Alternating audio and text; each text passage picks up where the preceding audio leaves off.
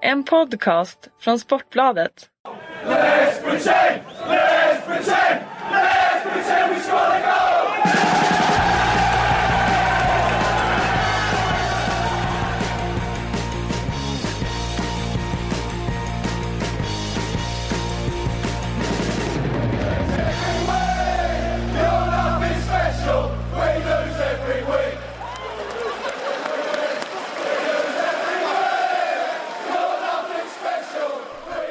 Välkomna, välkomna, välkomna ska ni då vara till vår lilla poddstudio här på Sportbladet. Mitt namn är Patrik Syk. Eh, Podden heter Sportbladets Premier League-podd. Eh, Mitt emot mig sitter Patrik Sjögren och Kalle Karlsson precis som förra veckan. Eh, Välkomna tillbaka mina herrar.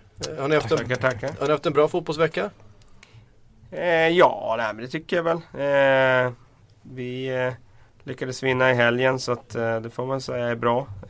Och sen, Vi är ditt eget lag då? det är mitt eget Ja. lag som lyckades vinna Du i är den inte en sista he- omgången. hemlig supporter till något obskyrt gäng i, i Premier League kanske? Nej, det kan jag inte påstå att jag är. Utan eh, seger i division 3 Östra Svealand syftar jag på. Och eh, i övrigt så har vi ju fått eh, lite händelserika matcher i Champions League. Så att eh, det har väl varit en bra fotbollsvecka. Jag beskrev det här avsnittet in, eh, inför vi skulle kliva in här som ett avsnitt som gör sig själv. För det finns en hel del att, att eh, prata om. Eh, Så vi går och Ja. käkar tårta nu? Vi går och käkar tårta. Fan vad trevligt. Jag har eh, skrivit den här titeln på detta avsnitt. Eh, England och Champions League ändrade precis sin relationsstatus från separerad till det är komplicerat på Facebook. Allt tack vare Manchester och lagen i Manchester som tog eh, segrar äntligen.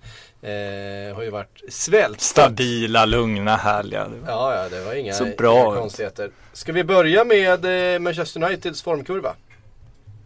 Ja, kan vi göra. Om, kan vi du, göra. om du vill det så gör vi det. Jag vill det. Det står det är du högt- som håller i det står, körschemat. det så står högst eh, upp. Det står högst upp. Vi sitter i baksätet och hänger med. Det är, du som, det är du som, vem är det som kör egentligen? Alltså att man inte, får man inte vara sån, Skulle sån göra sig själv det här ju. diplomat att man, att man ställer eh, en fråga lite öppet och mjukt? Måste jag, måste jag hålla på och diktera? Illusion du Ja. jobbar med, vi vet ju att du vill diktera egentligen. Precis. Jag ser framför mig en programledare som leder med järnhand. Ja, jag säger då det. Eh, Uniteds formkurva i alla fall. Eh, den eh, pekar ganska stadigt uppåt. Det har den gjort och eh, ja, åtminstone resultatmässigt. Nu får man väl ändå höja en viss varningsflagg tycker jag kring vad Louis van Gaal sa efter den här matchen. Han pratade om att spelarna var trötta och eh, såg slitna ut nu i andra halvlek mot, eh, mot Wolfsburg här. Och eh, det tyckte jag man såg också i andra halvlek att eh, ja, visst, de tar ledningen i andra halvlek men sen sjunker de tillbaka på ett sätt som, som eh, ja, kanske inte var likt United på hemmaplan så. Samtidigt kan ju det vara hälsosamt också att inte bara blåsa på framåt som engelska lag har gjort tidigare. Vi kanske kommer in på det mer sen. Men Kurvorna har pekat uppåt och liksom Martial är ju såklart en stor del i det. Han har ju kommit in och gett laget ett, eh, en ny dimension med sin speed där framme och rörlighet. Och han är ju den där spelaren som kan skapa lägen eh, genom att slå sin spelare. Gjorde han ju igår mot Wolfsburg. Han gjorde sin back på ett väldigt enkelt sätt. Och spela in till Wayne Rooney som fick upp ett mål och lyckades bränna det läget. Men det har ju blivit mer, bättre balans där framme nu. Det behövdes ju fart. Det var ju uppenbart när de spelade matcher tidigare. Framförallt den här matchen mot Liverpool tycker jag när Fellaini spelade spetsforward och, och det hände inte så mycket. De ägde bollen och spelade i sidled men de hotar ju inte överhuvudtaget. Nu har de fått in en spelare som löper in bakom och trycker ner motståndarnas backlinje. Och det tror jag är ingen slump att Juan Mata visar bra form de senaste matcherna. Han får mycket större utrymme med, med Martial på plan. Juan Mata förstås, han har varit eh, tongivande. En Helt okej assist igår. Ja det får man ändå Vad sätter, säga. för, vad, vad sätter ni för plus på den där klacken? Det alltså, är väl om- meningen? Om, Ser det, han eh, om den är där? meningen, det tror jag inte att den är. Utan jag tror att han, Han chansar- tror, han chansar han chansar på att lyfta in den bakom offside-linjen. Sen tror jag inte han ser Smalling där. Men eh, eh, det blir ju ändå, resultatet blir ju ändå att det är en 5 plus klack. Eh, jag håller den dock inte lika högt som jag håller Paul Scholes assist mot Milan i Champions League 2006-2007. När han lyfter fram den med en sån här retlig chip till eh, Wayne Rooney är det som gör kvitteringen i den matchen. Ehm, den håller jag fortfarande högre för det var absolut meningen att sätta den precis på den centimetern där Scholes satte den. Ja, eh, men... Eh, Så den var 6 plus då? den var Ja, 6 sex plus. plus. Oj, du, första gången i Sportbladets historia. ja, jag Och spränger- det är du som spränger den Jag spränger den, jag Herre spränger den. Ja, men eh, Mata då har ju också upplevt eh, i takt med att Manchester United och, eh, som du var inne på, Martial har kommit in och förändrat eh, förutsättningarna lite grann. Eh, men det är också Mata i en lite ny roll som en, eh, vad ska man säga, en false winger. Eh, vi har ju sett andra spelare som liksom är mer naturliga tior haft den där rollen. Vi har sett eh, David Silva, Coutinho, eh, kanske Aaron Ramsey ska nämnas i, i en sån roll. Eh, Mesut Özil. Mm. Eh, som har varit framgångsrika just eh, i att Özil kanske inte haft sina mest framgångsrika matcherna på att utgå från kanten. Men, Nej, man spelar men- rätt mycket så i Real Madrid eh, Ehm, faktiskt. men med, med liksom en winger med egentligen uppgiften att kliva in i plan och vara spelfördelande även om man, man eh, eh, och man får ju lite mer eh, utrymme ute på kanten då i sin första touch och så vidare. Men är det yttrarnas död här då? För vi diskuterade ju förra veckan, du sa att eh, Manchester City behövde en kille som kommer ner till linjen och så satt vi och spekulerade, vem fan kommer ner till linjen i dagens fotboll? Finns, finns det yttrar längre? Har vi liksom eh, gjort oss av med dem nu till fördel för att, kommer vi bara Ja, tio år framförallt, på framförallt behövde de ju en ytter som hade fart och det fick Ja. de ju med Sterling. Sen går inte han alltid ner till linjen, men han kan gå ner till linjen. De har ju dock en sån Jo, men ytter menar som med att gör vi- det, det är Navas. Att vi sökte efter ett namn som kunde liksom eh, passa in på en sån beskrivning och vi hittar liksom ingen. Nej. Fin, finns det, är liksom yttern död? Ja, den, den yttern som går ner till linjen håller på att vara på utdöende. Det är ingen tvekan om det. Nu handlar det mer om... Det är väl ytterbackar som gör det i sådana fall på ett överlapp. Vi, det har vi också sett, Darmian och Valencia liksom eh, göra när Mata har dragit in eh, i banan och varit framgångsrika med att att komma utanför. Ehm, Totalfotbollens ytterbackar. precis. Den moderna ytterbacken som man pratade om, för tio år sedan så att vi har pratat om sånt. 15 till och med. Ja, Roberto Jag jag Carlos. snack- Jag snackade med farsan då, om det alltså. där med just med det här moderna. Jag frågade honom, han spelar ju i, på sin tid i näst högsta serien och sådär. Så frågade jag, när kom det där med liksom offensiv? Kom det där på er tid liksom? Och då sa han, för de hade ju eh, Otto Domba som tränare. Han var ju tränare i Åtvidaberg då på under storhetstiden när de var ute i Europa och sådär. Bra name drop där. Eh, och eh, han sa att han, han införde det lite då i dåvarande IFK Västerås som låg i näst högsta serien. Liksom där med att ytterbackar skulle fram. Så modernt idag, ja det här är ju liksom början av 80-talet liksom. Eh, så att, eh, ja. Vem var, jag, vem, jag, jag köper inte riktigt det där när man pratar om moderna, moderna men- ytterbackar längre. om, vi, om vi tar så här då, vem var den största liksom, internationella stjärnan som, eh, som var den ytterbacken som blev känd för sina offensiva kvaliteter snarare än för eh, För defensiva, alltså. Sina Pontus Kåmark eh. Ja men alltså Cafu fick ju epitetet liksom som tåget som kom på kanten. Sen fanns det ju offensiva ytterbackar före honom. Men jag tycker kanske om du vill ha en symbolspelare före så Cafu under 90-talet var ju en sån spelare. Absolut, men fanns det, det är egentligen ute efter, fanns det någon symbolspelare före Cafu? Alltså där, eh, jag tänker på 80-talet redan som, eh, som man pratade om som en modern ytterback. Jag vet inte, jag var inte med. eh, Jag var fyra år på Ja, 80-talet, jag så var också ganska ung på 80-talet. Så att jag, jag, jag minns faktiskt inte eh, liksom. Jag har inte hört liksom efteråt eh, att det är någon spelare som har pinpoint. Men det var ju med Cafu och Carlos, det var då man började, det var då vi började slita på uttrycket ju. Så att, Absolut. Och Cafu var ju med redan 94 så att eh, han var ju Var lite före. Carlos. Så. Ja. det var en härlig krock också när eh, Milan satte Costa Curta på ytterbacken där ungefär samma tid som Cafu. Härjade och Costa Corta skulle ytterback i Champions League när han var typ 39 bast. Han var inte riktigt en modern ytterback då kan jag väl. Vi eh... Eh, ytterbackar var det. Vi går tillbaks till Manchester United. Vi ska prata lite mer om eh, deras spelare och uppställning eh, där vi ser fram emot matchen mot Arsenal senare i programmet här. Men vi kan väl eh, återvända lite till eh, gårdagen och eh, matchen mot Wolfsburg. Eh, hörde ni förresten suset som gick när Niklas Bentner kom in på planen? Ja, det är fantastiskt. Legendar, Alltså, har- legendar. För, för att ha presterat så lite så har han en sån jävla, alltså han, han har en sån eh, air omkring sig liksom. Men det är, det är på, helt gr- det är på grund av sådana här som Patrik Sjögren som liksom hyllar, gör han till en mediaprofil. Det är liksom, annars hade det bara varit på hans fotbollsmässiga grunder då, då hade han ju inte haft någon, eh, hade han liksom, hans profil hade ju varit extremt eh, liten. Men nu ska Ja. vi inte fastna med honom men jag tycker ändå det är fascinerande att han, för han snackar ju inte så mycket själv längre. Han har Nej, typ inte nej, gjort en nej. vettig intervju Nej, på nej. tre Nu är det år. bara andra som är andra snackar som om- snackar åt honom Ja. bara. Så att, men han är Men han satte bollen i rullning Ja, och den han. är väldigt svår att stoppa, det vet vi. vi som Piskar man några taxibilar med sitt skärp då, då, då kommer det efterverkningar också. bryter sig in på gymmet i huset mitt i natten svinfull för att han ska Killen träna. måste träna för fan. Helt rätt. Det, är, rätt inställning. Eller hur? Ja. Fan, det är så han tagit sig dit han är idag. Ja. Ehm, fantastisk han. Ja. Men, men eh, och det började lite trögt för eh, Manchester United. Eller började lite trögt. De fick en chocköppning när Wolfsburg eh, ganska enkelt eh, sprang igenom. Eh, nu kommer jag inte ihåg vad han heter, målskytten där. Caligiuri. Just det. Eh, nej men ehm, det var ju eh, Valencia som hängde där på högerbacken och upphävde offsiden. Men jag, jag hänger faktiskt Daley Blind för det målet ah, ännu mer. För att om man tittar på det målet så ser man att Daley Blind blir liksom en bollraggare som man blir i pojklaget. P10, där kan man se det. Först är han ute och ska ge sin ytterback understöd. Men han ger inget understöd. För när han går förbi ytterbacken så kliver han i alla fall inte in och, i press. Utan då blir han bortgjord helt enkelt. Och efter det är det som att det slår slint. Hos den spelaren som jag anser är extremt klok annars. Pudelklok spelare som jätteduktig i liksom, sitt beslutsfattande annars. Men eh, den här gången så... Pudelklok. Det kan inte passera okommenterat. Det Är det så? inte.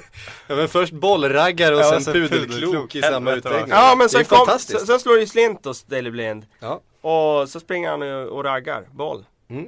På Ja, ett sätt det, som eh, han inte bör göra. En Och- fantastisk beskrivning. Ja, fan pudelklok. Så att, Ska eh, börja använda sig Jag, texter. jag, jag eh, ska säga, nu har jag inte kollat på målet eh, mer än en repris i Viasats eh, svep. Men eh, jag ska kolla mer. Jag, jag tror att jag kan lyfta lite ansvar från Valencia egentligen och lägga det på Daily Blind enbart. Vi- Nästan enbart. Nästan enbart. Vi, att jag, jag, jag anser att Valencia har en eh, Han har skäl för att ligga lågt eftersom de inte har någon press på bollhållare. Och skulle de ligga i höjd med övriga backlinjen så ligger de för högt. Eh, men som sagt, jag har bara sett en repris. eh, vi ser fram emot ett blogginlägg med en taktisk Kanske, analys kanske på... kommer. Ja, Och lista på fotbollens mest pudelkloka spelare, det vill jag också. Det, det kan vi nog ordna. Ja, för fan. Fan vad stort. Ehm, härligt då. Vi, eh, sen kommer ju då vändningen. Eh, och, det är inte bara en upphämtning utan det är ju faktiskt en vändning vi pratar om. 2-1 till Manchester United och man, man eh, har tar ju hand om den här matchen till slut ändå. Håller ni med mig? Alltså nu höll ju jag koll på typ fyra skärmar där i vår CL-studio igår. så det att, gjorde jag eh, också ska jag säga. Men det, eh, jag höll ganska... eh, Inte så mycket koll på United andra halvlek mer än att jag såg att det var Wolfsburg som styrde och att eh, de såg lite tröttkörda ut. Och, eh, men eh, som sagt, jag hade blickarna mest på Malmös eh, match. Jag har ungefär lika bra koll på Uniteds match igår som David Beckham hade. Han gav en, en mytisk intervju idag där han eh, eh, hoppades att Milan skulle vinna Champions League i år och sen så hyllade han Wayne Rooney för hans fantastiska säsongsinledning. Så- Oj! Ja, Är det sant? Har han Ja. sagt det? Ja, för fan. precis så. Men är man det, det roliga är, är man David Beckham då kommer man ju undan Ja, ja, med ja, det. Då är det liksom som att, det kan man ju säga, det är inga problem. Skjuter iväg leendet och Ja, sen, ja. sen går alla fram och kramar honom. Exakt. Har man liksom Stimorol-leendet Ja. då, då kommer man undan Så med är det. det, för fan. Det är lite svårare för oss. Ja, det, så är det. Eh, Manchester United tillbaks i vinnarposition precis som lokalkonkurrenten Manchester City. Eh, som också tvingades plocka fram eh, allt man hade i verktygslådan för att, för att till slut slå eh, Bayer Leverkusen. Ja, det var ju ingen, ja, äh, Mönchengladbach. Men Mönchengladbach. Eh, nej, det var ju ingen hälsosam seger för City på något sätt. Utan första halvlek så släpper de ju till alldeles för mycket lägen. Eh, och det liksom, nu ställde Pellegrini ut ett offensivt City trots att man liksom gick på pumpen i första matchen mot Juventus, var naiva i den matchen. Det var ju och spela väldigt högt. Det var, det var, han var väl riktigt djärv. Och i första halvlek hade det kunnat kostat dem poängen faktiskt. För att Hart får ju göra ett par riktigt viktiga räddningar. Och, eh, jag menar han räddar en straff, han räddar friläge och så vidare. Så att stort frågetecken kring försvarsarbetet där. Jag tycker Otamendi, eh, Demichelis, det är inte tillräckligt bra än så länge. Eh, sen är det såklart otroligt starkt tycker jag City att komma tillbaka i den matchen och någonstans eh, bara kämpa till sig en trepoängare. Och jag tycker Otamendi andra har ju ett mål till, till exempel. Ja precis, jag, jag skulle dock vilja kreditera det på Demichelis för bollen var ju inne innan och det handlar ju mer om att domarteamet och den här turisten som sjätte domare står och tittar på vid linjen. Bollen är en halv meter inne och han, han ja, jag vet inte vad han står och tittar på om han stod och tänkte på på annat men han döm, gjorde inte sitt jobb i alla fall. Men i alla fall, Otamendi fick det. De mm. kvitterade. Jag tycker faktiskt att City i andra halvlek gör det bra. För då pressar de ner Mönchengladbach totalt. Och det är de som går för segern. Mönchengladbach eh, har ju inte så mycket att komma med mer än omställningar då. Så då, det var ju starkt av City att göra det faktiskt. Ehm, Silva tillbaka, då vinner de. Ingen slump såklart. nej, eh, så är det ju. Och vi, eh, vi ska prata lite mer om eh, straffområdesdomare. Eh, när vi ska prata om Chelsea. Ehm, ska vi lämna City där? Silva tillbaks, då vinner man. Ja, sen lite oroväckande då med Jaja. Nu klev ju han av här i paus. Fernando kom in och om det är hans lår som spökar här så är det klart att det är lite oroväckande för City. Eh, helt klart. Eh, Chelsea eh, skulle ju haft med sig en straff där på slutet, eller hur? I tisdags. Alltså, det känns så ovidkommande att prata om sådana enskilda domarsituationer. Alltså vad fan, vad är det för laguttagning? Vad åker han dit med för gäng? Vad skickar han för signaler? Vad håller Mourinho på med? Det är liksom, nu skriver The Guardian idag att till och med de, de äldre spelarna i laget börjar liksom ifrågasätta hans sätt att hänga ut syndabockar, att han ställer över spelare, han åker dit utan Oscar, han åker dit utan vettiga anfallsalternativ, han tvingas kasta in Kennedy när de ska försöka avgöra en match. Eh, det är liksom, det är ju kaos där. Så att om man då ska stå och peka på någon straff som skulle vara straff eller någon offside som skulle varit offside.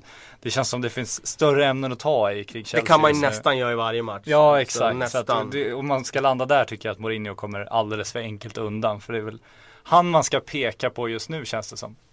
Chelseas omklädningsrum har jag skrivit som min första punkt där. Eh, supportrarna sjunger, att, sjunger om att de vill ha sin kapten tillbaka. Eh, John Terry ser inte ut att eh, vara en startspelare. Eh, I Mourinhos Chelsea 2015-2016. I ligacupen, där jävlar. Där får han lira.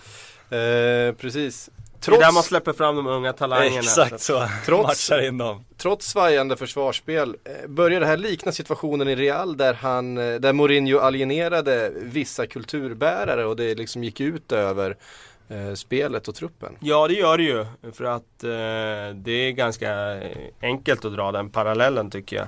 Eh, just med så Casillas som var eh, Mm. ikonen i Real Madrid som Det blir någon slags maktkamp mellan eh, de här som säga, alfahannarna som Å ena sidan den här spelaren som har fansen med sig och Å andra sidan den här tränaren som alltid sätter laget först och som ska visa vem som bestämmer. Och nu kan det ju bli den typen av eh, kamp mellan Mourinho och Terry. Terry har ju hittills får man ju säga varit väldigt smart och professionell. Han säger ingenting utåt. Jag tror att han kommer fortsätta göra det.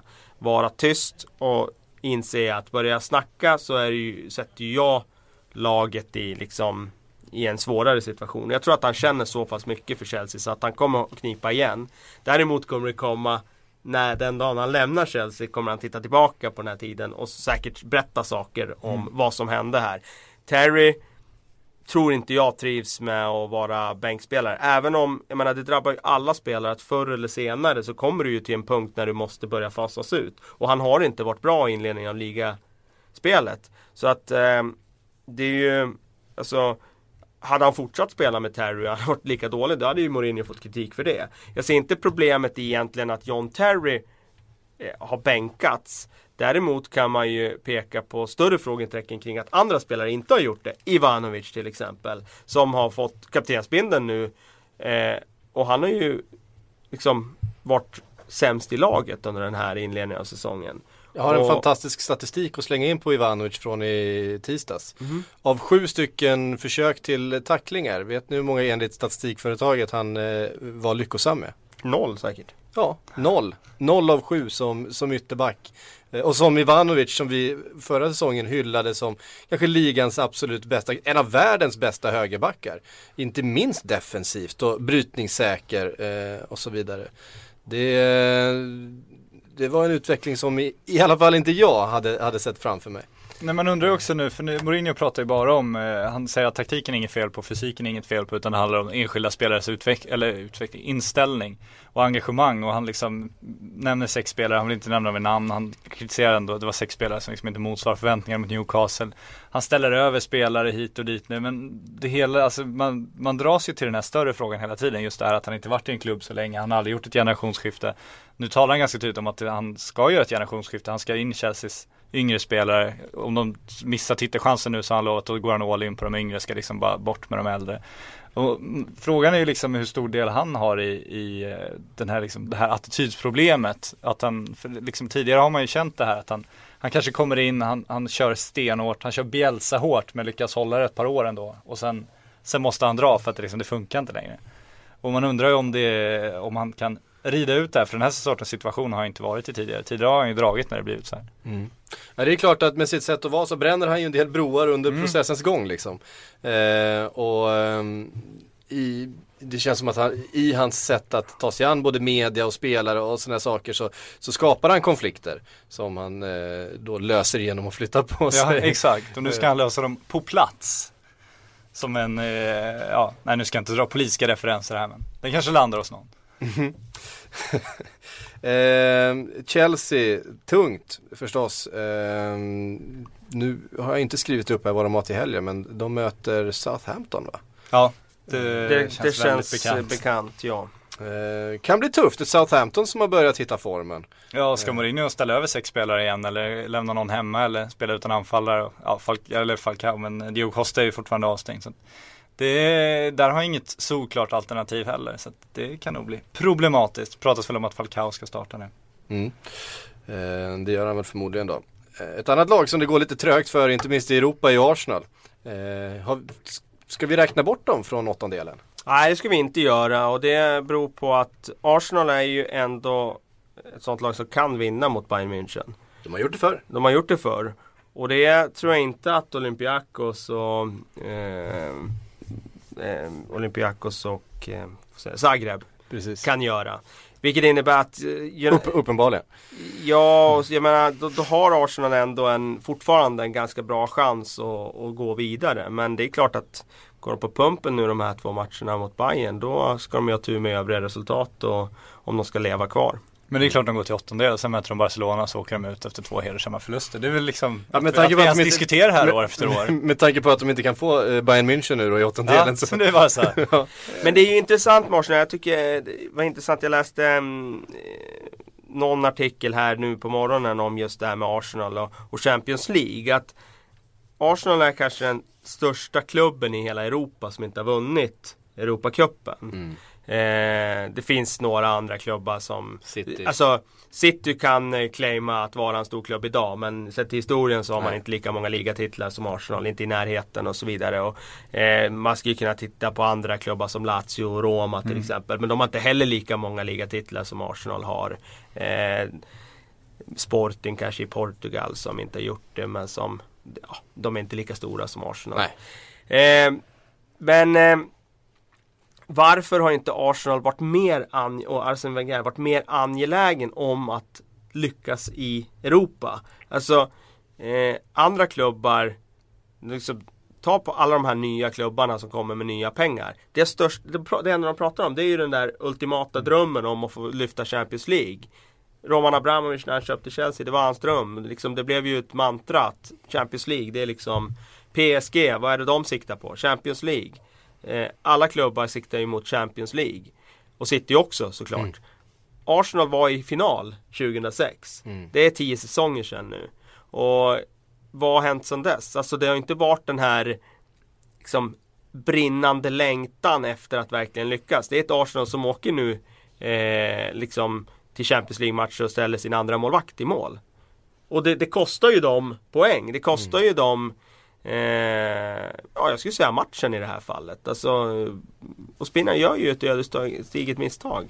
Och då, då börjar man fundera på liksom med Wenger. Alltså, är det som att han inte förstår att han måste gå in för det här till 110% om han ska lyckas? Eller kan han liksom ha det här som, ja, ja nej, men jag ställer ut, jag vill vinna på mitt sätt. Jag ställer ut laget, eh, roterar lite och vi ska vinna ändå för vi är mycket bättre. Nej, det är, ju- uppenbarligen gör ni ju inte det. Nu är det två raka förluster mot lag som är så mycket sämre än vad Arsenal är. Men kan det finnas någon sanning i den, alltså i hela England som man kan förklara deras sämre resultat? Alltså så fort ett lag går in i Champions League så är det eh, årets matcher för alla lag. Alltså även Real och Barcelona så är Champions League, känns som det största. För Bayern München är ju Champions League det största. Men för engelska lag så kanske man också tittar så otroligt mycket på ligan för att det är så viktigt att gå till Champions League också. Så att Mm. det blir liksom inte den största matchen på året. Nej men så är det ju och det, jag, jag, det finns ju verkligen någonting i det här med att det finns inga enkla matcher i Premier League. Du kan inte gå på halvfart när du möter ens Bournemouth på bortaplan eller var du än spelar egentligen. Och eh, i, liksom i Portugal och Frankrike och sådär så finns det ju matcher där du räcker med att topplagen går på 80% så klarar de att vinna. Och där finns det ju absolut en eh, aspekt. Det finns en aspekt i det, i, i det som liksom att eh, ligan inte tar hänsyn till Europaspelet. Jag menar Porto de fick flytta sin match till fredagen och så får de den där extra dygnets vila och det, alltså det gör skillnad på, på den här nivån och en, ett dygn extra. Det är ingen tvekan om det.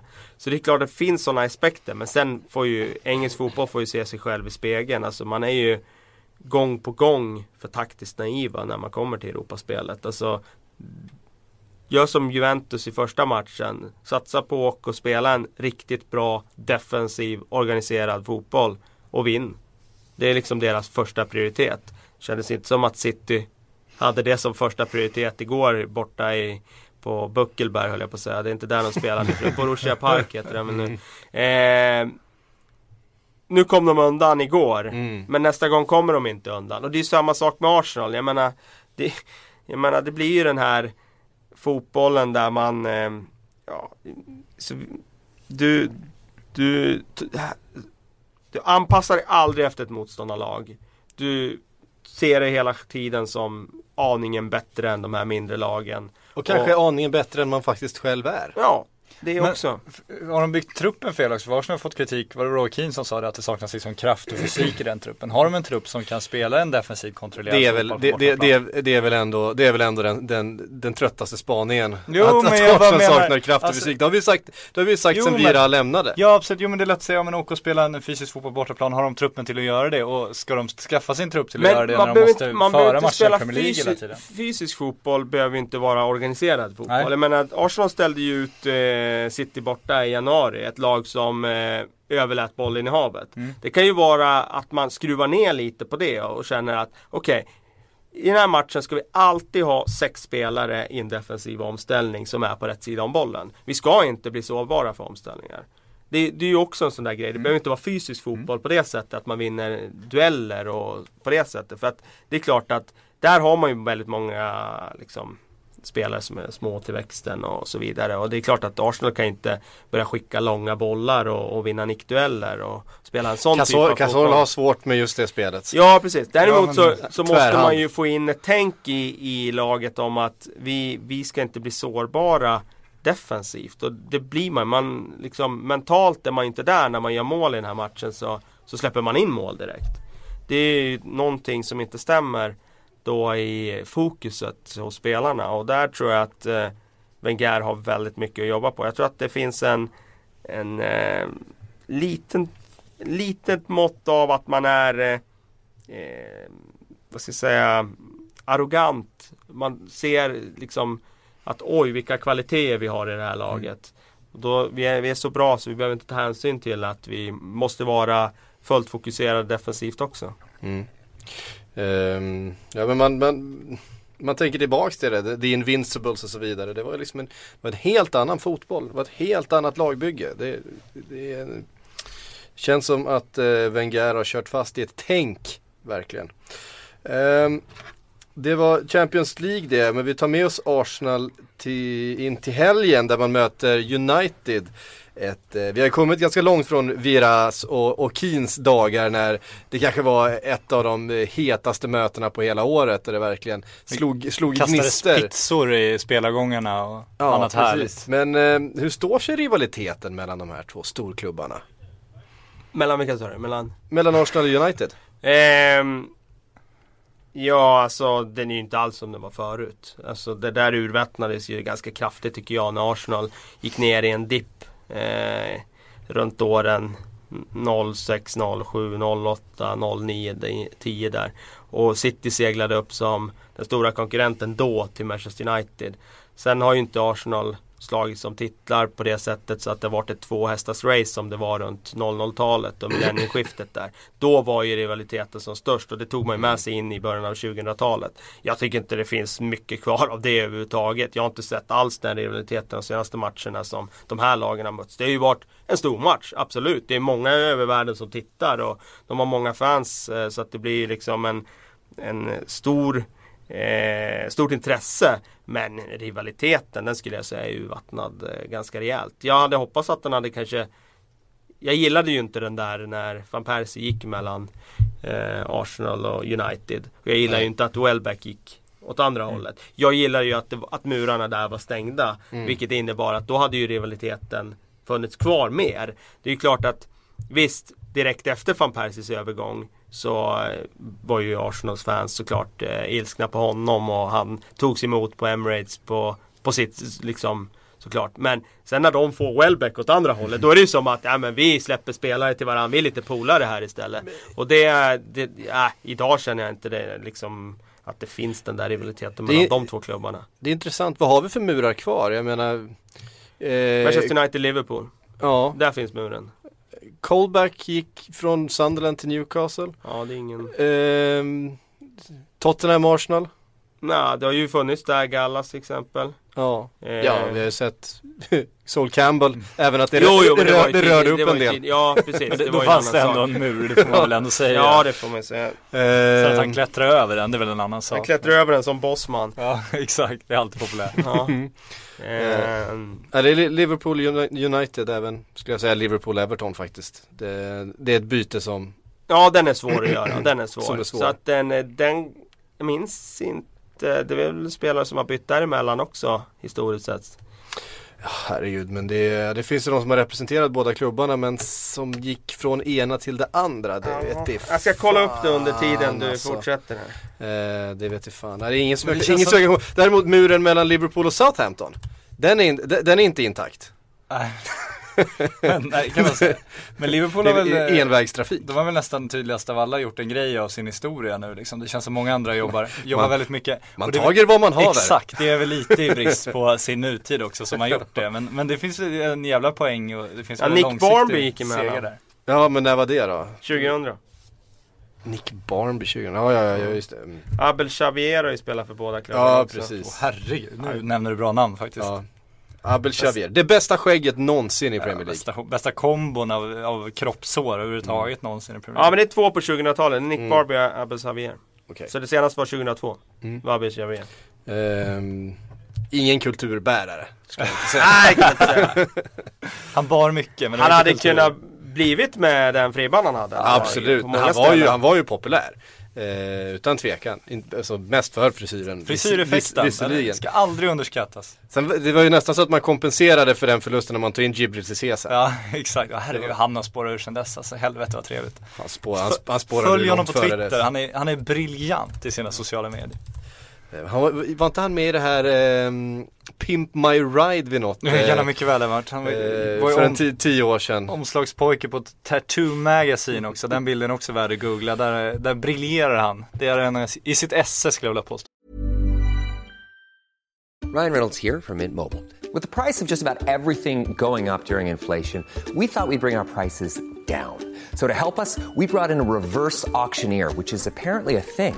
Mint Mobile unlimited premium wireless. Ready to get 30, 30, bit to get 30, bit to get 20, 20, 20, bit to get 20, 20, bit to get 15, 15, 15, 15 just 15 bucks a month. So, Give it a try at mintmobile.com/switch. slash $45 up front for 3 months plus taxes and fees. Promo rate for new customers for limited time. Unlimited more than 40 gigabytes per month slows. Full terms at mintmobile.com.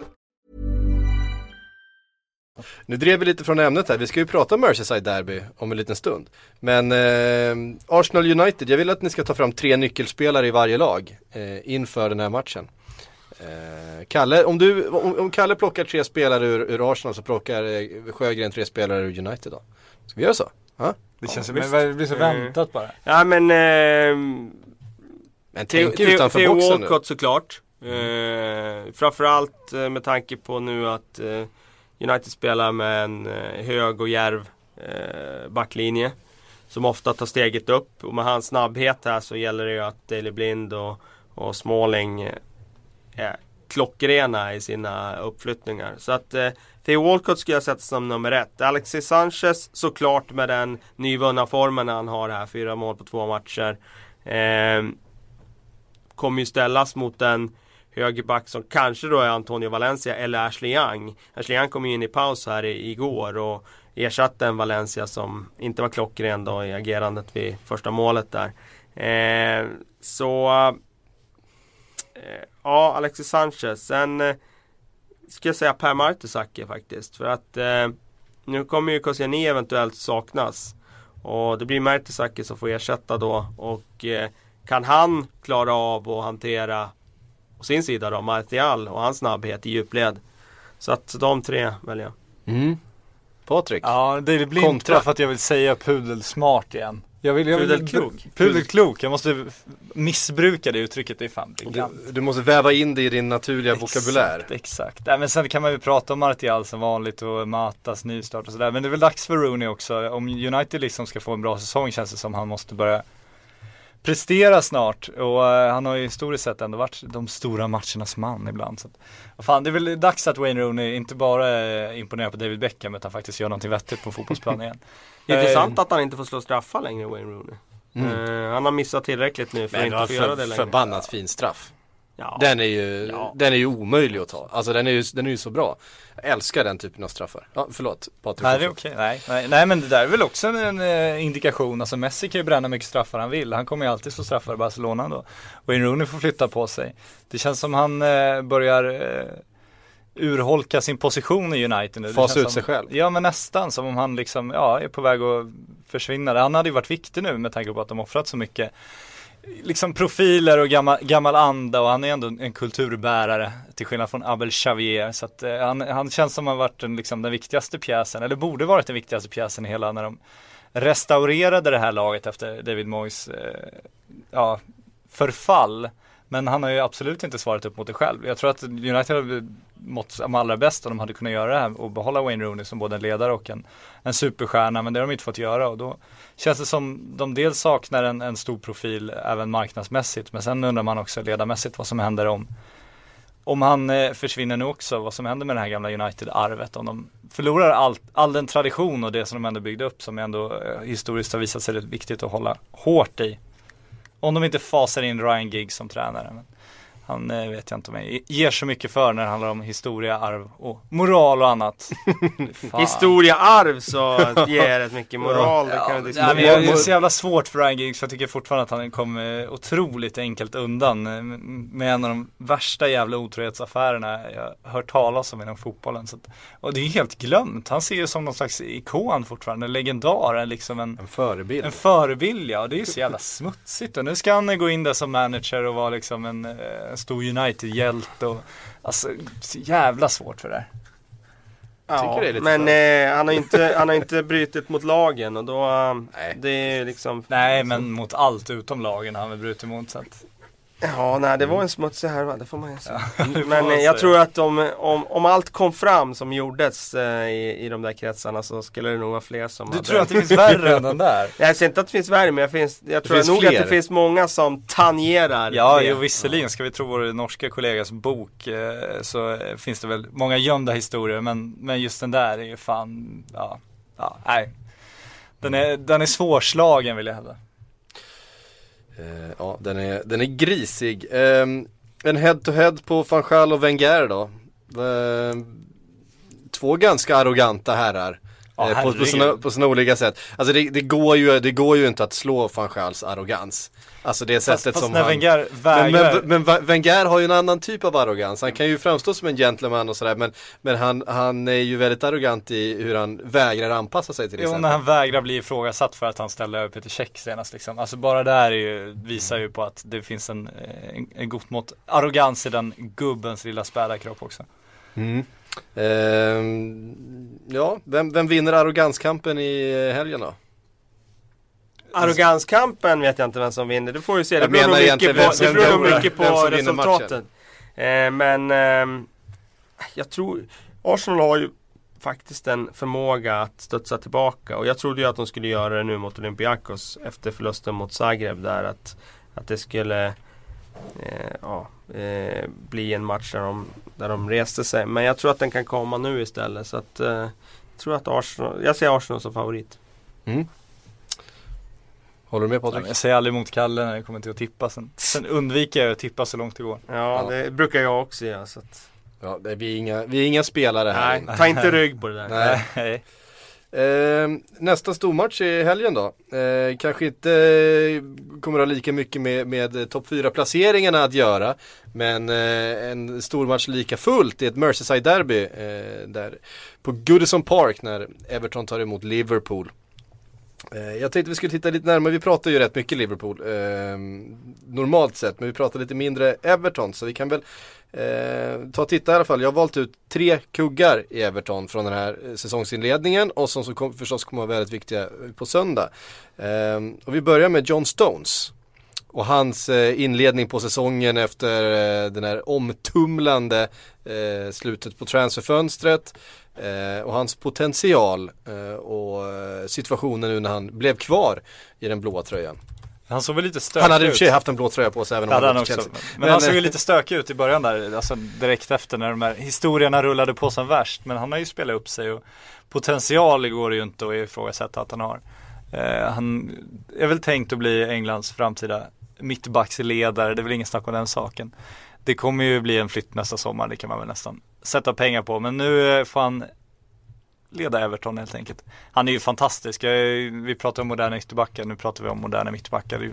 Fotbollen blir ju liksom att alla spelare snart kommer vara precis likadana. Det känns som det går mot det. Vi förlorar ju de här targetspelarna, vi förlorar de typiska måltjuvarna, vi har förlorat de, de klassiska ytterbackarna och vi är på väg att förlora de klassiska mittbackarna när John Terry nu sitter på en, en bänk och det ska in eh, spelande lite snabbare, eh, långa, smala John Stones, Rafael Varan typer överallt och han är passar ju precis den formen som man är ute efter nu. Ja, man pratar om att den här mittbackar spelade sig ur situationer i eget straffområde. Han, han dribblar sig ur si- situationer i eget Ja. straffområde, John Stones. Och liksom, ja det kommer, någon gång kommer det bli fel och då kommer man bli hängd för det men, men bara Jag vet inte om man ska dra en svensk referens så fanns det ju Om det var när AIK vann guldet, jag kommer inte ihåg exakt vilket år det var Men de hade en taktik som var att målvakten aldrig skulle rensa bollen ett år Provade lite helt enkelt. Och eh, det innebar ju att det blev lite situationer där det blev farligt liksom. Men det innebar också att de fick behålla Ja men kanske 10% fler bollar, nu tar jag bara en siffra i huvudet, jag har ingen aning om hur matematiskt det slår ut. Men bara den antalet bollar du kan behålla på en säsong gör ju att du liksom får ett större bollinnehav. Och det kanske leder till åtta fler chanser än vad det rå- råkar leda till en bakåt. Så det finns en enormt stor eh, poäng och vinst i att inte, alltså och även utsätta sig för risker. För att om du lyckas så många gånger som John Stones gör så, eh, så får du behålla så fantastiskt mycket mer boll och kan skapa så fantastiskt mycket mer. Så att det är extremt värdefullt det där. Det är nästan så att man undervärderar det skulle jag hävda. Mm. Det var den första, första kuggen. Den andra kuggen kallade eh, Ross Barkley. Som eh, verkligen har studsat tillbaka efter ett trevande, eh, trevande år förra säsongen. Eh, som den stora liksom, kraften på mittfältet och den som, som står för all kreativitet och med, med sin fysik och med sin speed och, och med sin bollkänsla. Eh, vad säger du om hans säsong så här långt? Ja, han eh, hade ju en, eh, säg att han hade mellansäsong i fjol, det är ju snällt sagt. Det var en riktigt, riktigt svag säsong av Ross Barkley. Jag tror han gjorde 2 plus 2 på hela säsongen. Och det är ju siffror som är avsevärt under hans kapacitet. Han eh, kändes som han kom tillbaka med nyvunnen kraft och energi direkt den här säsongsinledningen. Och han har ju varit otroligt bra spelmässigt. Jag tycker faktiskt att han har varit bättre än han fått credit för. För att eh, hade mål, eller lagkamraterna bara gjort mål på, på de chanserna han skapat så hade han haft ännu bättre siffror i, i, i år. Så att eh, ja, han, eh, han är tillbaka i den där formen där vi ville se han. Det vi såg för, vad blir det, två år sedan. Den, starten av den hösten där.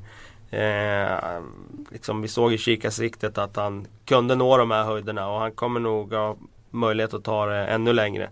Känns som Englands framtida tia i, i den bemärkelsen att de har egentligen ingen riktig bra tia.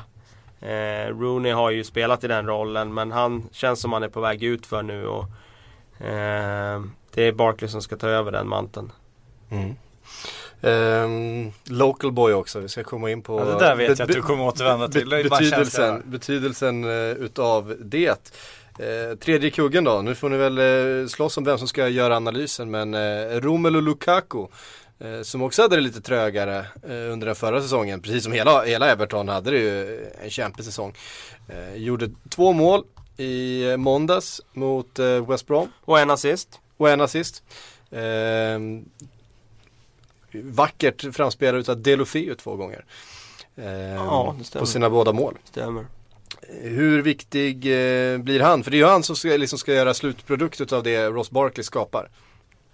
Ja men det är klart han blir enormt viktig. Det är ju, senaste matchen var det ju han som bar Everton. Eh, Det var han som nästan på egen hand iscensatte den här vändningen. Och jag tycker att han eh, fått ut mer av sin fysik eh, nu i inledningen av den här säsongen. Han har använt sin kropp på rätt sätt. Jag tycker att det är flera försvarare som verkligen haft problem att, att hantera Lukaku och hans styrka nu. Eh, så att eh, hans kurva pekar uppåt och eh, eh, Jag tror också att eh, en sån spelare som Sarko som hade problem med Gestede och hans fysik här i, i helgen. Eh, både han och Skertel kommer få jobba jäkligt hårt för att, för att hålla koll på Lukaku nu i den här formen. Mm. Helt klart. Ehm, Liverpool då. Ehm, för första gången på 29 år så kommer Liverpool spela ett Merseyside-derby utan en enda scouser i laget. Du dömer Eh. ut Jordan Rossiters chanser att starta alltså. Ja, gör det. Alltså det är ju liksom, det är, det är ju han i hela truppen. Ja. Ehm, ja men han ska ju starta mot Sion ikväll här Rossiter. Mm, så att, precis. eh, får se, han kanske är bäst på plan och övertygar Brandon om att han ska in i elvan.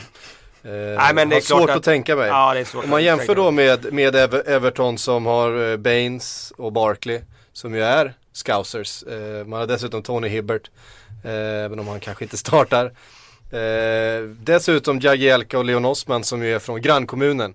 Eh, även att den kulturella skillnaden till Manchester för, eh, för just Jagielka är, är eh, stor. Så, så är det ju en geografisk närhet i alla fall. Eh, vad ger ni det här för betydelse för eh, lag i en sån här match? I den här betydelsen som, som du har på läktaren. Det kommer vara, eh, varenda gång Liverpool-spelarna kommer ha eh, bollen så kommer du liksom hagla de här ramserna och, och glåporden från läktaren. Eh, och givetvis för spelare som vuxit upp med det här så måste det betyda någonting annat än för en eh, spelare som kommit in från någon helt annanstans och kanske Ja, inte men- förstår innebörden. Alltså om du ska bo i en, i en kommun och du är uppväxt där och sådär, då finns det ju liksom, det är, när du lagt av, om man ska ta det perspektivet, så är det ju de stora matcherna du pratar om, då är det ju finalerna, det är titlarna. Men i sådana här ställen så är det ju också just, alltså, ja men det var han som gjorde två mål mot Everton 1986. Så kan ditt arv vara och det är ett ganska fint arv om du bor där. Om du däremot flyger in som spanjor liksom och spelar eh, Liverpool och ska möta Everton, du fattar ju att det är en stor match, det är klart det är det. Du märker ju hausen, du, du vet ju att det här är någonting extra, det är klart du är extra tänd. Ja, det är ju den matchen, den, det, det mötet som har, som har flest utvisningar och gula kort Ja. eh, av alla möten i, i Premier League och det, det talar ju ett språk. men det är klart du märker det, det är klart du kommer in i det, det är klart du är extra tänd och sådär. Men jag är svårt att se att du kan vara lika motiverad eftersom det påverkar ditt, inte ditt fotbollsarv på samma sätt. Det är ingen final för dem. Men för, för en local boy så är det ju liksom på ett sätt en, En final. local boy vet ju också att han spelar inför släkt och vänner. Han Ja. spelar Mm. inför skolkamrater. Han spelar liksom inför de läktarna som eh, eh, där han själv har stått och han vet själv hur mycket det betydde. Förmodligen oavsett om man kommer från Everton eller Liverpool från början. Vad derbyt betydde. Alltså det är klart att det, det har en stor betydelse att du har spelare som känner till och lider med klubben och dess historia och lider med dem på läktaren. Mm. Och själva är spelande fans i princip. Det är klart att det betyder extra mycket i derbyn. Och det, det är det som är, för även om man har liksom vuxit upp som är med Jamie Carragher växte upp som Everton-supporter och Leighton Baines växte upp som eh, Liverpool-supporter. Ja precis. Men, Men, man, det jag men menar, de vet ju vad derbyt betyder. De vet ju vad derbyt betyder. Ja, Eh, och har det liksom, var det jag menar liksom. Ja, det spelar ingen roll vilken sida du Nej. kommer ifrån. Du vet vad derbyt betyder. Och jag menar, en stor, Liverpool är inte som storstad. Eh, det bor en, ja med 400 000 invånare ungefär och fotbollen betyder precis allt. Eh, och man har de här två stora fotbollsklubbarna och det här mötet är ju liksom, ja men det är en, en av de stora höjdpunkterna på säsongen för, för hela staden.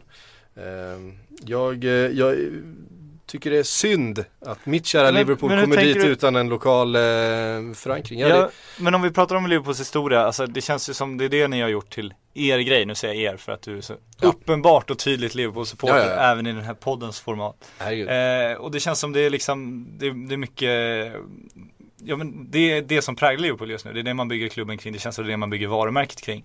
Samtidigt sitter man snart med ett lag då utan någon, någon lokal anknytning. Och vi har sett tidigare på diverse ceremonier hur det kan gå när, när du har folk som du kanske inte riktigt förstår vidden av det här. Alltså det blir ju en jävla kulturkrock mellan laget och fansen snart känns det som. Mm. Det var därför jag satt och skrek efter Jamie Carragher för Ja. en vecka sedan.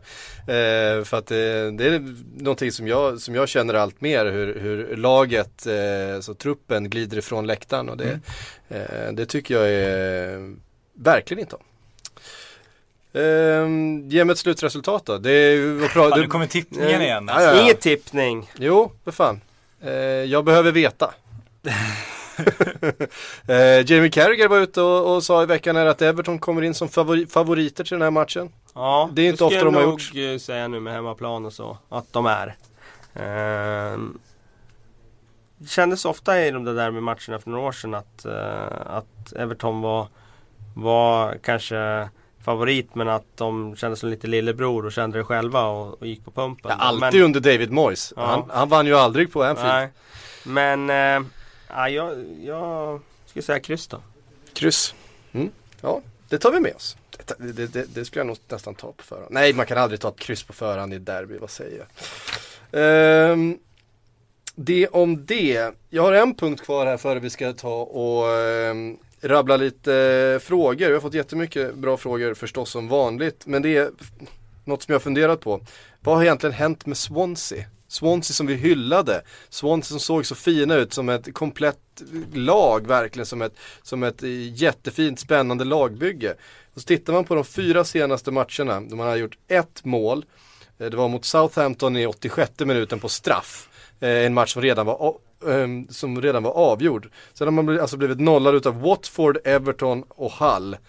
Ehm, tagit en poäng utav de här fyra och det var 0-0 matchen mot Everton. Vad har hänt med det här frejdiga liksom eh, eh, lagbygget som Gary Monk eh, hyllats så mycket för? Men eh, ser vi inte det här ganska ofta med lag som startar bra och vi hyllar dem och sen eh, eh, Alltså alla, alla de där lagen, uppstickarna som börjar hota, de är ju aldrig tillräckligt bra Ska vi sluta hylla dem? Vi ska inte sluta hylla Gary Monk för det han har lyckats med sen han kom in. Jag tycker han kom in i ett väldigt, väldigt svårt skede i Swansea och räddade skeppet då den våren efter Laudrup. En trupp som var för dåligt tränad och som eh, där eh, eh, ja, det, det, det kändes som att då, det var ett tufft läge att ta över. Väldigt bra fjolårssäsong. Men eh, slutar de på övre halvan i år så tycker jag fortfarande det är en bra säsong. Alltså de är inte mer än så ska vi inte förvänta oss. Vi ska inte förvänta oss topp 6 av Swansea på något sätt. Utan eh, det skulle vara en bragd att hamna där faktiskt. Eh, så att eh, nu tycker jag det man har sett, Montero inte i samma form. Sigurdsson är definitivt inte i samma form som var tidigare. Och det är klart om de här spelarna som ska leverera bollar fram till Gomis inte gör det i samma takt så, så är det klart då, då blir det svårare att göra mål. Ehm, men det är ju det är inga skador eller något sånt där som har liksom eh, Nej precis, det finns liksom förändrat uppenbara förutsättningarna för Nej det är det inte. Utan Jo spelar fortfarande, Gomis spelar fortfarande, Sigurdsson spelar. Montero hade ju ett par matcher där när han inte var med men eh, det var ju tidigare. Shelby Kjellby var ju väldigt, väldigt viktig i, i början. Eh, man hade den där 2-1 segern mot Manchester United och sen dess har man faktiskt ba, bara gjort ett enda mål och det var på straff i en redan avgjord match. Ja, Eh, ser det blir ju inget, vägskäl, inget vidare ut. vägskäl här nu de närmsta veckorna här. Ska Mm. man vara kvar där uppe och hota uppåt eller ska man liksom falla ner i den här anonymiteten i mitten av tabellen? De är ju alldeles för bra för att bli indragna neråt men Mm. Möter Tottenham i helgen va? Ja det kan det kanske det är ja. Det Mm. stämmer. Söndag, söndag klockan fem. Samtidigt som eh, Arsenal eh, Manchester United matchen. Mm.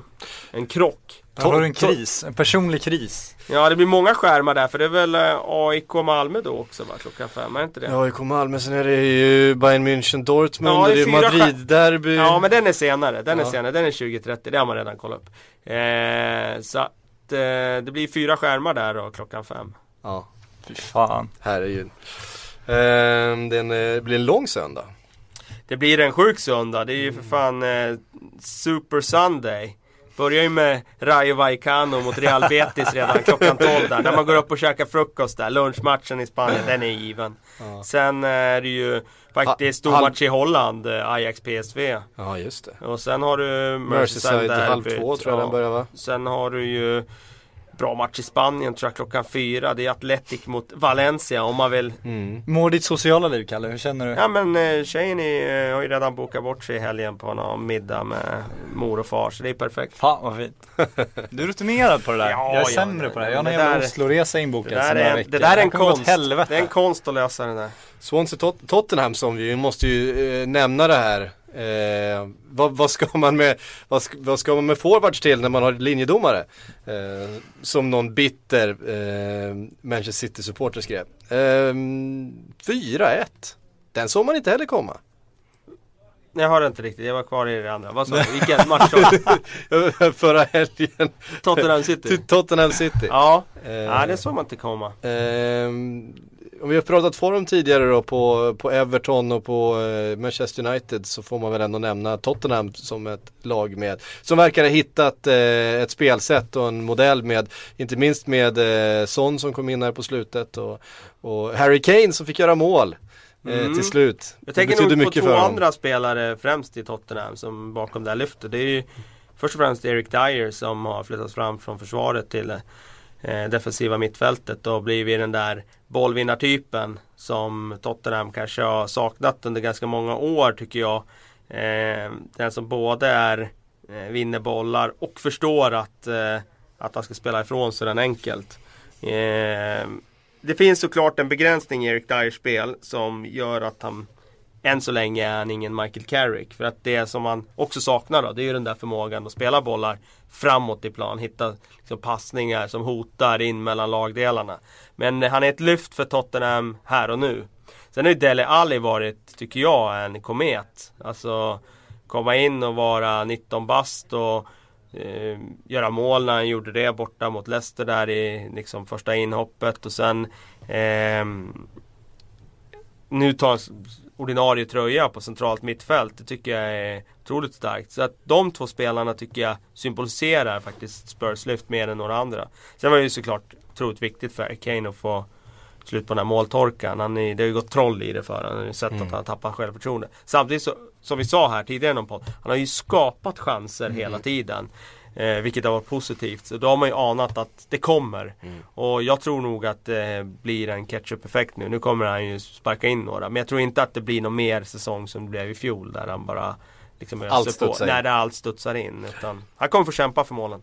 Vi eh, tar och syr ihop det då med första frågan. Eh, som kommer från Dan Sandberg som skriver Lamela, eller Lamela var fantastisk mot City. Kan han hålla samma nivå? Om vi bara tittar en match framåt då mot Swansea, kan han eh, rida på den eh, framgångsvågen tror ni? Man ojämn spelare. Ja, man hoppas ju det. det här, han har ju inte varit i England eh, bara liksom eh, ett år, utan det är två år nu. Och Han var ju försvunnen första ja, året. Han har ju inte hittat den kontinuiteten tidigare. Jag hoppas verkligen det, för att precis som Dan skriver här så var han ju bäst på plan i den här matchen i mina ögon. Och det är ju en spelare som, som i Italien hade enormt re- renommé. Ja. Liksom, och mm, jag vet Simon Bank var ju lyrisk när jag pratade med honom när Tottenham gjorde den här värvningen. Han trodde på stordåd. Och den potentialen finns ju där någonstans. Men ehm, ja, det, det är svårt att säga. Det återstår att se. Men eh, en sån spelare kanske tjänar också på att det kommer in en sån här som Son som eh, avlastar honom lite i löpningar och sådär. Kanske inte behöver springa lika mycket in bakom för att Son gör det istället. Son springer ju som en uppjagad vindhund. Och jag menar han, eh, en pu- pudelklok vindhund. Nej, jag skojar. Fy fan. Eh, nej Men en eh, asiat kort och gott. En, en klok kille som bara löper. Det känns som de har gjort, gjort det till sin grej lite. Ja, jag vet inte om han är så klok så sån, men han är ju en energispelare som springer mycket och Lamela kanske får lite mer utrymme då att ta tag i boll och, och göra det han är bra på. Ehm, Inte pudelklok alltså. Nej, det ska jag inte säga. Lukas Jönsson, ehm, var har Phil Dowd tagit vägen? Saknar honom. Weirdo. Han eh, väl föll väl för åldersstrecket va? Ja, så var det ju. Han, eh, han blev för gammal. Ja, fram- 45 är det va? För det var ju inte att han missade fystesterna för där gick han ju faktiskt tvärtom. Från att eh, vara... Han har ju faktiskt fått dispens ett par säsonger till och med för han hade passerat eh, åldersstrecket men, så men eh, på sin erfarenhet och att han faktiskt klarade fystesterna så fick han dispens. Men det kan ju inte ha varit någon domare som har eh, Alltså på så kort tid eh, Förbättrat sin fysik så mycket som Phil Dowd gjorde. För han gick ju från att vara ganska rund till att bli liksom Han hängde på knäna på säsonger där. Ja, precis. Eh, helt klart. Svante Corneliusson eh, skriver en eh, fråga riktad till dig Kalle. Vet att, vet att du kollar de flesta Premier League-matcher i repris. Vilken var den senaste du inte såg i repris? Ja men det är alltid en eller ett par ofta som jag inte hinner, ett par. som inte hinner se i repris. Så West Ham Norwich har jag inte sett i repris till exempel. Fan. Det är ju för dåligt Kalle. Går Det är in här utan det på fötterna. Alltså. Ja, det- Fan, det är det är skandal. Ser du alla andra i repris också? Ja det brukar bli så. Ja. Mm, Ja men upp typ åtta per omgång. Ja. Nej, jag, jag vill träffa din flickvän någon gång. Eh, jag har träffat Kalles flickvän. Ja. Fullt normal. Gav den en kram? Inga, inga konstigheter. Ehm, så det måste vara något annat. Ja, det var intressant. Nu ska vi inte prata om Kalles flickvän, men jag, jag är imponerad av att du, ja, Erik Sellberg. livspusslet, du är fan en, eh, en expert en, på det en där. föredöme. Ja, han har fan 464 bitar att jobba med också. Han lyckas ändå lägga den här blå jävla himlen varenda jävla vecka. Fan, det är stort av dig. Ehm, Erik Sellberg skriver, vem är ligans mest ojämna spelare? Enligt mig Mignolet, varje ingripande antingen bedrövligt eller riktigt bra. Ja, det finns ganska många som Vi var inne på Erik. Lamela, Lamela till Ja, det exempel. finns ju ganska många som slåss om den. Eh, nej, det, jag, ska, jag ska inte säga att Mignolet är nummer ett där. Det ska jag inte göra. Nu kan jag inte bara brainstorma fram Men det- andra, jag skulle eh, säga att det så- har- har- alla lag har ju spelare som är ojämna. Jag skulle säga, det är inte att, att Mignolet är, är speciellt ojämn, det är mest att han har väldigt begränsade kvaliteter som gör att han är, han är bra på att rädda skott och han är dålig på att plocka ner inlägg. Och det gör att han framstår ju som ojämn eftersom han gör misstag när han ska plocka ner inlägg. Och sen så gör han en dunderräddning på ett eh, skott från Så straffpunkten. det du säger är att han är konsekvent i sin ojämnhet. Han är konsekvent i, sin, i, sin, i sina begränsningar. Ett pudet klokt eh, uttryck tycker jag. Ja. Ehm, så är det.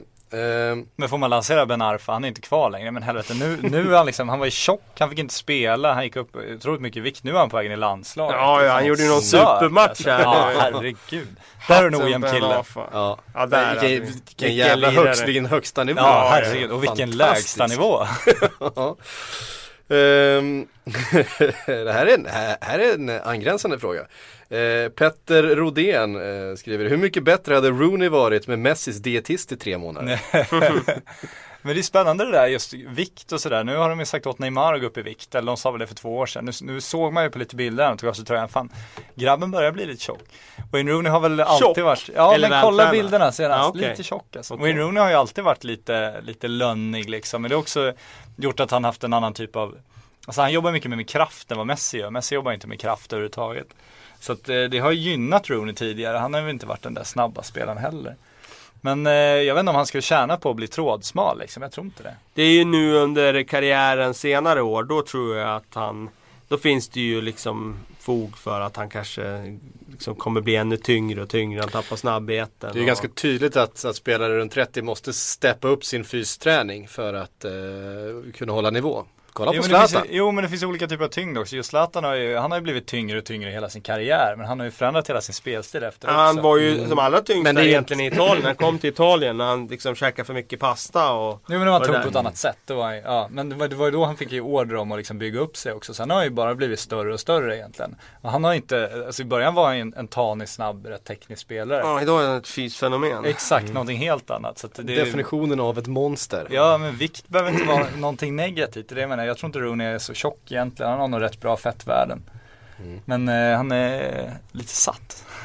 Eh, Gustav Stenqvist undrar, hur ska Liverpools anfall se ut när Benteke är spelklar nu när Sturridge och Ings fungerade så bra tillsammans? Ja det där är ju jätteintressant för att eh, Det är ju till och med diskussioner nu kring om man får plats med Benteke.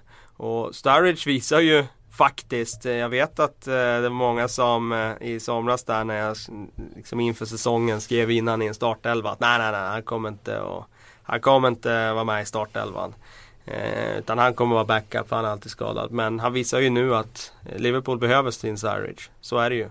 Så att han kommer spela. Han har ju en klass, han, han står ju för en klass som ingen annan i i, la, I det anfallet har, nej. I, i, i anfallet nej, har. Nej, det, så är det, så är det ju. Mm. Eh, de där avsluten är ju liksom kompromisslösa på ett sätt som mm. eh, Liverpools övriga eh, offensiv saknar.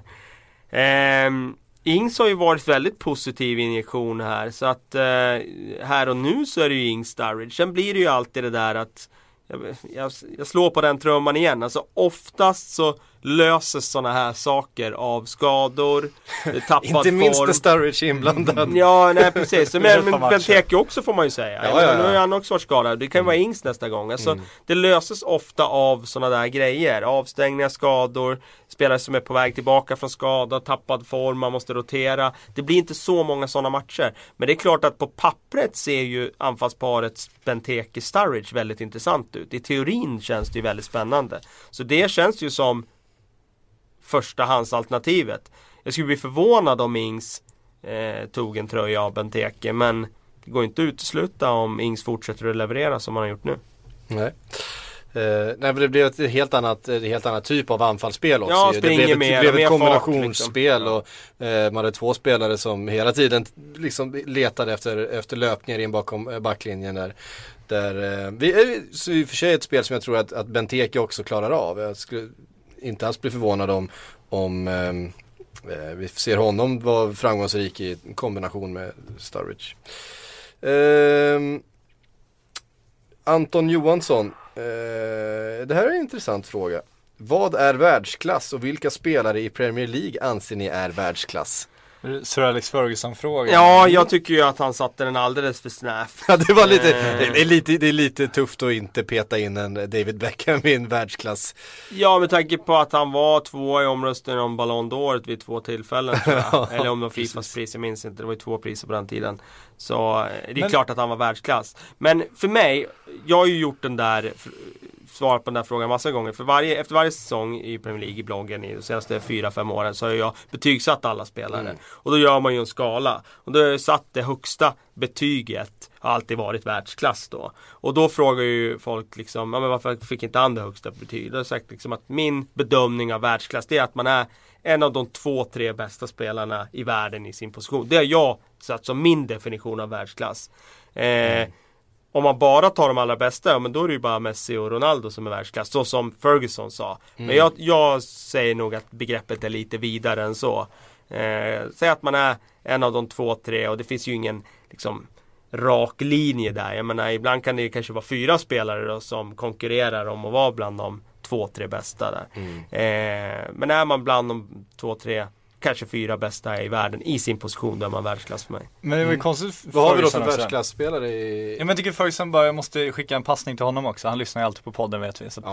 Eh, nej men just han försökte vara, och inte vara populist. Det var väl hans mål med det där, skapa lite uppmärksamhet och säga emot liksom när han så petar bort. Men han blev ju dunderpopulistisk istället för han, han tog ju bara de som gör massa mål liksom. Han gjorde det extremt lätt för sig. Han mm. nämnde ju inte en målvakt liksom. Det är klart det finns en målvakt idag som är världsklass. Det är klart att Peter Schmeichel var världsklass. Det är klart att Edvin, Edvin van der Sar var världsklass. Ja. Alltså, det är ingen som har nämnt Edvin van der Sar. För mig, jag tycker han var den eh, bästa målvakten som man kunde ha på den tiden. För att han var ju både skottstoppare han hade ju fantastiska fötter, två fantastiska fötter. Han hade ju en väldigt bra vänsterfot också. Sen var han ju den bästa målvakten på att organisera sin backlinje. Så för mig var ju Edvin van der Sar världsklass alla dagar i veckan. Och så var han ju helt dum i huvudet också. Det ska man fan värdera högt Och Schmeichel var ju också alltså. dum i huvudet ja. på det sättet. Och han var världsklass. Ja. Det fanns ju fler som var världsklass. Eh, så nej, det där dömer jag nog ut eh, Ferguson. Han ville väl skapa lite Lite rubriker. Lite rubriker har, för sin bok. Ja, exakt. Vad har vi i Premier, Premier League idag då? Som är världsklass? Som är världsklass? De Gea. De Gea är världsklass. Mm. Eh, utan tvekan. Eh, man skulle väl kunna förra säsongen peta in Courtois också där. Mm. Eh, nu har han väl varit lite mer skakig kanske i inledningen. Han har ju varit skadad nu i, i några omgångar. Men han tog ju någon liksom, utvisning där innan han inte ja, agerade precis. helt smarta. Så ja, nej, jag skulle säga kanske det sker då på målvaktssidan. Peter Käck. Finns väl säkert folk som kan argumentera mm. för att han också ska in där. Men det sker då definitivt och sen tycker jag ju en spelare som Eden Hazard ska in där även om han eh, har inlett svagt nu. Så sett över förra säsongen så var han ju världsklass. Eh, jag tycker att eh, John Terry förra säsongen var också världsklass. Jag såg inte så många mittbackar i världen som var bättre än han där och då. Jag tycker att ehm, David Silva. David Silva eh, eh, är världsklass. Jag tycker att Kun Det som talar emot han då, det är ju att det finns jäkligt många bra strikers. Alltså du har Lewandowski, du har Zlatan, du har Suarez. Suarez du har eh, Messi, ja, Messi som honom winger, striker. striker. Ja. Eh, kanske mer winger då. Eh, men ja. Nej, jag, jag skulle nog säga Kun också. Jag skulle nog ta in han också i begreppet Mm. världsklass. För när han spelar så har han ett målsnitt som gör att han är världsklass. Eh, Alexis Sanchez. Eh, visst, Ronaldo är vänster, han är ju bättre. Det finns väl eh, fog för att kasta in ett par till där i den kategorin. Men jag skulle säga som han spelade förra säsongen. Snuddar vid världsklass. Eh, kanske finns någon till som jag missar nu i all hast. Det finns några stycken i alla fall. Ja, det finns några stycken. Ja. Men det är, ju, det är ju färre än... Det är ju inte som det var för tio år sedan. Nej, det är det ju inte. Och det är färre än om du går till eh, La Liga. Där finns det fler spelare i den yppersta klassen. Ja, eh, helt klart. Eh, hörrni, det var faktiskt allt vi hann med den här, den här torsdag förmiddagen. Nu måste vi äta lunch, känner ni Ja det? det är kämpigt är det. Det är lite hungrigt just nu. Hårt Mycket- glor på oss Ja, som det- vi inte får röra. Det är så- Mycket stor risk att det blir buffélunch idag faktiskt. Är det så? Det är, Jävlar vad all, allting tyder på att det blir en, blir en asiatisk buffé.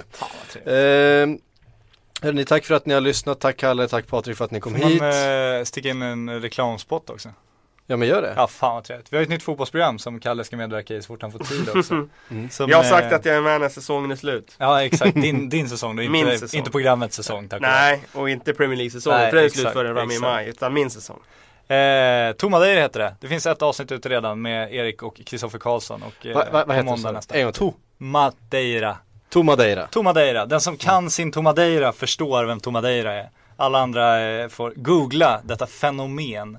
Men eh, nytt avsnitt på måndag med Simon Bank bland annat. Så att eh, vi rullar på bokstavligt talat. För de som har sett programmet förstår. Den liknelsen också. Ja, eh, jag missar för guds skull inte det. Nej, det vore jättekul om ni kollade på det också. Ja, eh, det ska vi göra. Absolut. Hörni, vi hörs om en vecka igen. Puss på er!